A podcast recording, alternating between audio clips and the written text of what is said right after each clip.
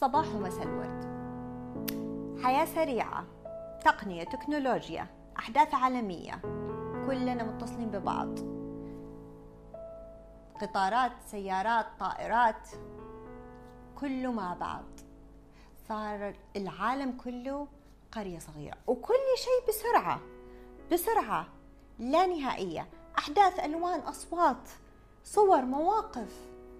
في وسط هذا كله تيجي لحظة بتشعر كأن الخيوط ضاعت من إيدك كأن القطع تناثرت حولك كأنه كل شيء تبعثر كل شيء يتلخبط كل شيء مش في مكانه ولا أفكارك ولا مشاعرك ولا الناس اللي حوالينك ما في شيء في مكانه والحاجات اللي تبغاها.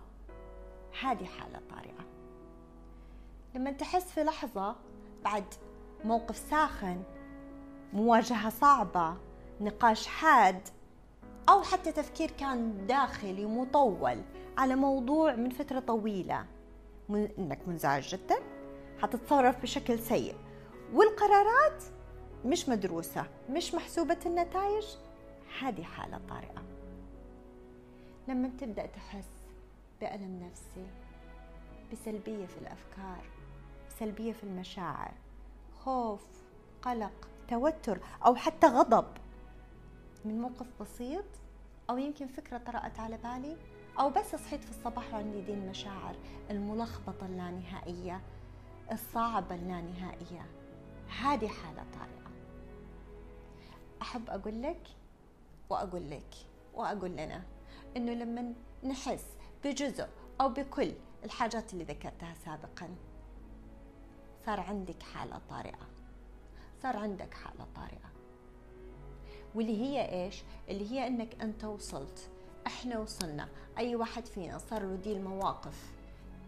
وصل لمرحلة بيسموها الإدج الحافة حافة الانهيار حافة السقوط حافة الإعياء الشديد. واللي هذه لها آثار معنوية وملموسة غير ملموسة ومحسوسة. زي إيش؟ ممكن تنتقل إلى جسدنا. تصير عندنا صداع ألم في المعدة ألم في الجسم كسل إعياء سخونة برودة في الأطراف تقلب في درجات الحرارة. القلب سرعته مش ثابتة. التنفس مش قادر أخذ نفس عميق. إحنا كده وصلنا مرحلة الإج وهذه بيصاحبها أشياء كثير من المشاعر. خوف وقلق وتوتر حزن ألم آه، عدم القدرة على التركيز أشياء كثير لما نوصل هنا خذ لك break صدقا خذ break لو كنت في الدوام استأذن. لو كنت في الطريق صدقا وقف على جنب وخذ لك نفس عميق. لو كنت في البيت روح لأهدأ مكان.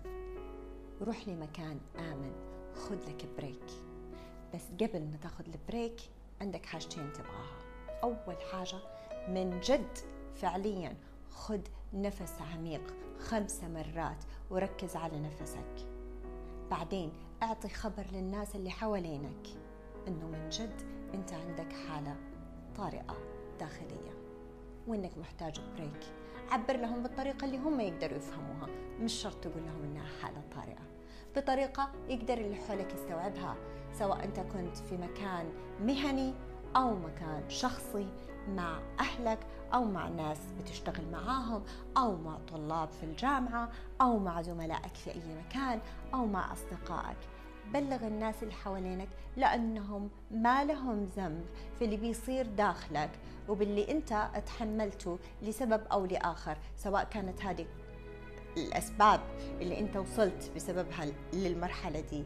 كانت أسباب أنت اتخذت قراراتها أو كانت قرارات خارجية أنت جبرت عليها. بكل الأحوال الناس اللي حوالينك ما لهم ذنب أنهم يقلقوا عليك وأنك مثلا تطفي جوالاتك أو تروح تنعزل زي ما بقول لك أنك تاخذ لك بريك بدون ما تبلغهم. بلغ الناس اللي حوالينك أنك حتاخذ break ال break هذا ممكن يكون خمسة دقائق ممكن يكون خمس ساعات ممكن يكون خمسة أيام. حقيقة اللي حيقدر يحدد الفترة والمدة الزمنية والمكان هو أنت أنتي. ليش؟ لأنه أنتم الوحيدين اللي عارفين إيش ردة الفعل اللي مطلوبة للموقف اللي أنتم فيه؟ اللي مطلوب منكم. تعطوا خبر بعد ما تكونوا قررتوا المدة اللي أنتم حتاخدوها ك break.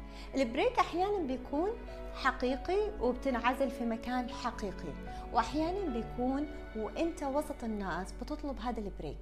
كيف؟ يعني ببساطة. مثلا أنا أحيانا بسويها. بطلب من اللي حواليا إنه يسامحوني. على قلة كلامي اللي حتصير في الفترة القادمة وعلى قلة قراراتي وقلة مشاركتي اللي أنا بختارها. وبقول لهم أنه أنا عندي وضع معين محتاجة أني أخذ break بس في نفس الوقت ما راح أخذ ال break ده بشكل مكاني. يعني ما راح أطلع برا المكان والحياة اللي أنا عايشاها. حكون معاهم هعمل ال minimum الأقل الممكن اللي يخلي الحياة تمشي. low profile بيسموها. يعني أقل ما يمكن من الأساسيات اللي حتخلي إنه الحياة تمشي بدون ما توقف وفي نفس الوقت بدون ما أحمل نفسي.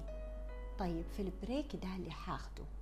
سواء كنت أخذته بشكل حقيقي كامل متكامل في المكان والزمان وفصلت عن كل العالم اللي حواليا فصلت أجهزتي فصلت كل شيء. أرجع مرة تانية أكد إنه لازم نعطي خبر للناس اللي حوالينا عشان ما نسبب أي نوع من القلق لأي أحد حوالينا لأنه ما حد له ذنب في قراراتي واختياراتي وحتى البريك اللي أنا أحتاجه.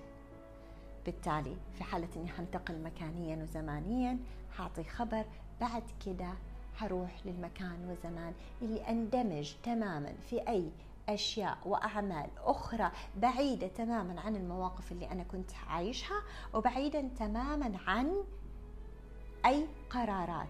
من جد هو بريك هي إجازة إجازة من التفكير والقرارات. راح نهدأ ونبدأ نندمج بأي حاجة تانية؟ لحد ما نتعافى. طيب لو كنا إحنا في المكان وفي الزمان مع الناس بس بلغناهم إنه إحنا حنكون أقل involvement يعني أقل مشاركة. نبدأ نندمج في أشياء معينة في هذا ال break. ال break هذا موجود من جد إجازة. بنندمج في كل حاجة ممكن تشتت تفكيرنا عن الأشياء اللي أصلا عملت لنا هذا الموقف. أو وصلتنا لدي المرحلة أو وصلتنا للإج أو وصلتنا لحافة الانهيار السقوط الإعياء الشديد والحزن والألم. وبنعمل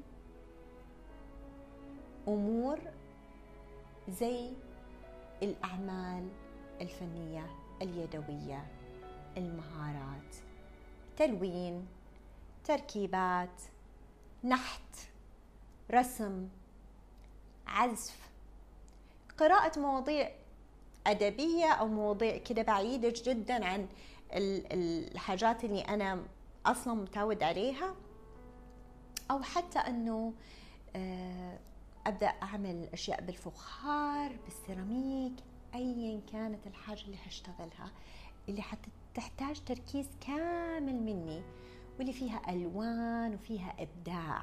أشياء حتحرك الإبداع داخل دماغي. صدقا هذه مرحلة البريك دايما بيسموها في العلوم المختلفة آه، أو الفلسفية أو آه، التدريبية آه، اللي هي الرلم أو الكيف يعني الكهف أو اللي هي منطقة الإبداع.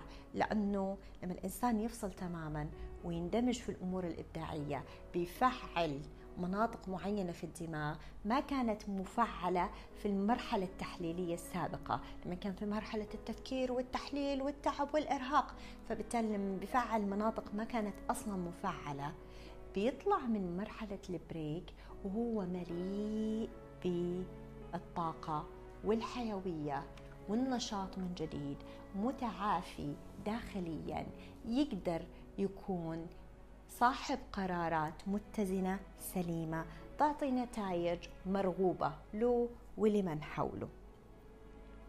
فلما تشعر بثقل الأحداث الظروف والأفكار مسؤوليات فهذه حالة طارئة تحتاج أنك تاخذ لك بريك رويدك يا أنا فلكل عقدة حل كما لكل ليل صباح. ودمتم بود.